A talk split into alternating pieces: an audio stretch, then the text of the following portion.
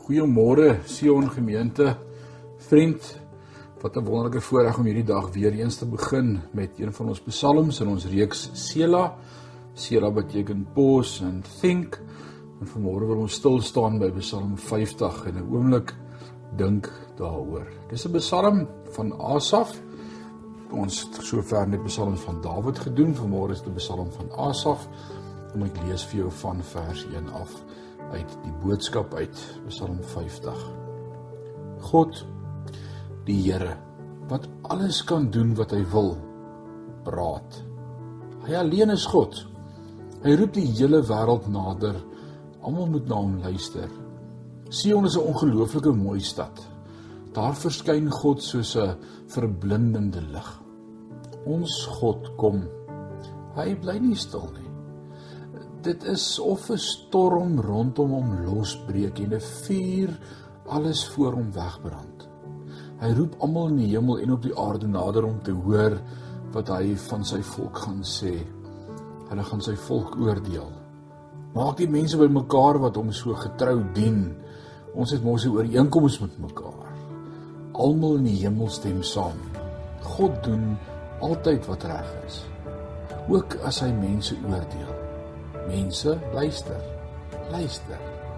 Ek wil vir julle sê wat ek teen julle het. Ek getuig teen julle. Ek is God, julle God. Ek is nie ongelukkig omdat julle nie my geskenke bring nie. Ek onthou altyd julle offers.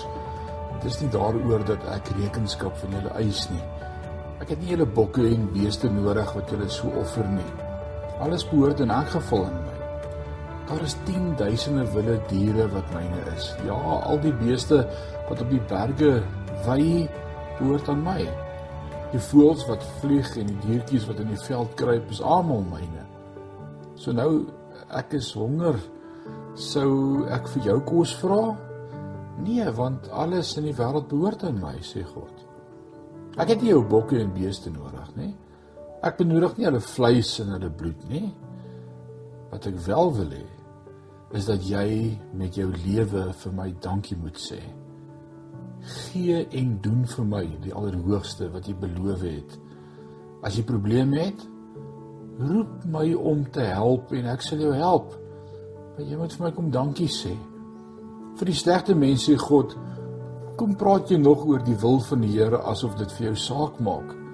Hoekom maak jy asof ons met mekaar 'n ooreenkoms het? Jy wil nie luister wat ek jou leer nie. Jy doen ook nie wat ek vir jou vra nie.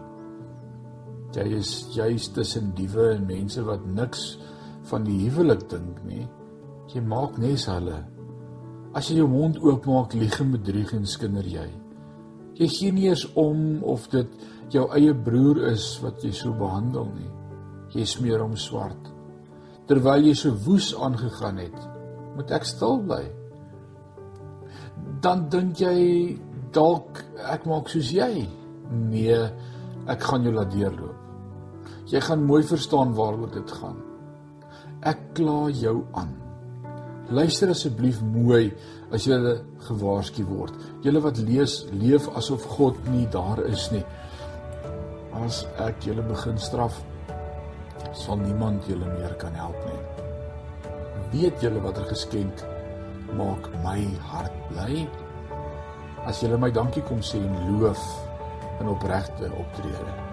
Die mense wat so leef, sal ek altyd help. Hoor jy ooit mense om jou praat, veral Christene wat praat oor alles wat hulle vir die Here doen?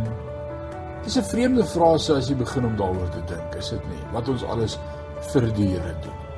Alles in die wêreld behoort immers aan God, sê Psalm 50 vir ons, veral vers 11 tot 13. Hy het niks van ons nodig nie. Hy is die een wat vir ons sorg en nie andersom nie, sê vers 14 tot 16. Al die geestelike aktiwiteite in die wêreld beteken niks as ons bloot doen wat ons dink nie.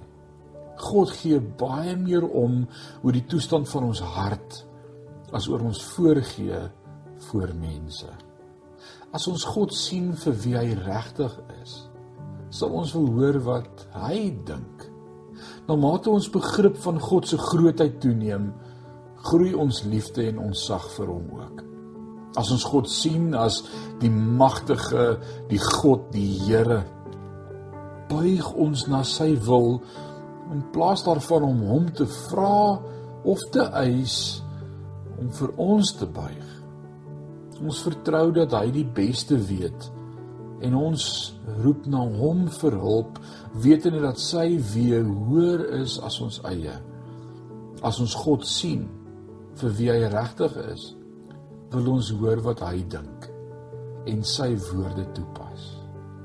Die lees van die Bybel hou dan op om om net nog 'n item op ons taaklys te wees elke dag en word 'n gekoesterde oomblik van ons dag. Eerder as om God met ons lippe te vereer, vind ons dat ons graag wil hoor wat die Here sê. Hy raak opgewonde oor die bediening en en hoe ons God geopenbaar kan sien. Ons gee dan ons beste en ons eerste omdat ons sy seën wil ervaar. En hy staan met oop arms om dit aan ons te gee. God het niks van my en jou nodig vandag nie. Maar hy wil wel iets van ons hê. Hy begeer dat ons hom sal ken. Woord van die Here sê ken hom met al jou wee en hy sal jou baie vir jou gelyk maak. So ons vanmôre reflekteer en stil word oor hierdie Psalm, wil ek vanmôre vir jou vra in Psalm 50, dink aan al die dinge wat jy elke week vir God doen. Is daar iets wat jy tans doen uit verpligting uit eerder as uit gehoorsaamheid uit? Neem dan vandag 'n paar minute om met God daaroor te praat en te vra dat hy dit sal verander. Vra hom wat moet verander gaan dit oor die aktiwiteite waarmee ons besig is of oor die gesindheid waarmee ons dit vir hom doen. Ek wil vanmôre sê doen alles asof vir die Here. Kom ons bid saam. Hemelse Vader, 'n wonderlike voorreg om vanmôre stil te mag word en uit hierdie Psalm uit vanmôre te hoor. Dit gaan alles oor U. En ons bely vanmôre, ons doen so baie dinge en in ons onderbewussyn of onbewustelik dink ons ek doen dit vir die Here en hoe ek doen dit vir die Here, maar U vra nie offers vanmôre nie. U vra my hart. En daarom wil ek vanmôre kom en ek dink aan daardie woorde van die lied wat sê Lord I'm coming back to the heart of worship for it's all about you. It's all about you Jesus. Vader, vandag gaan oor U. Help ons om stil te raak en onsself vandag opnuut vir U te gee. Al die lof en al die eer aan U alleen in Jesus naam. Amen.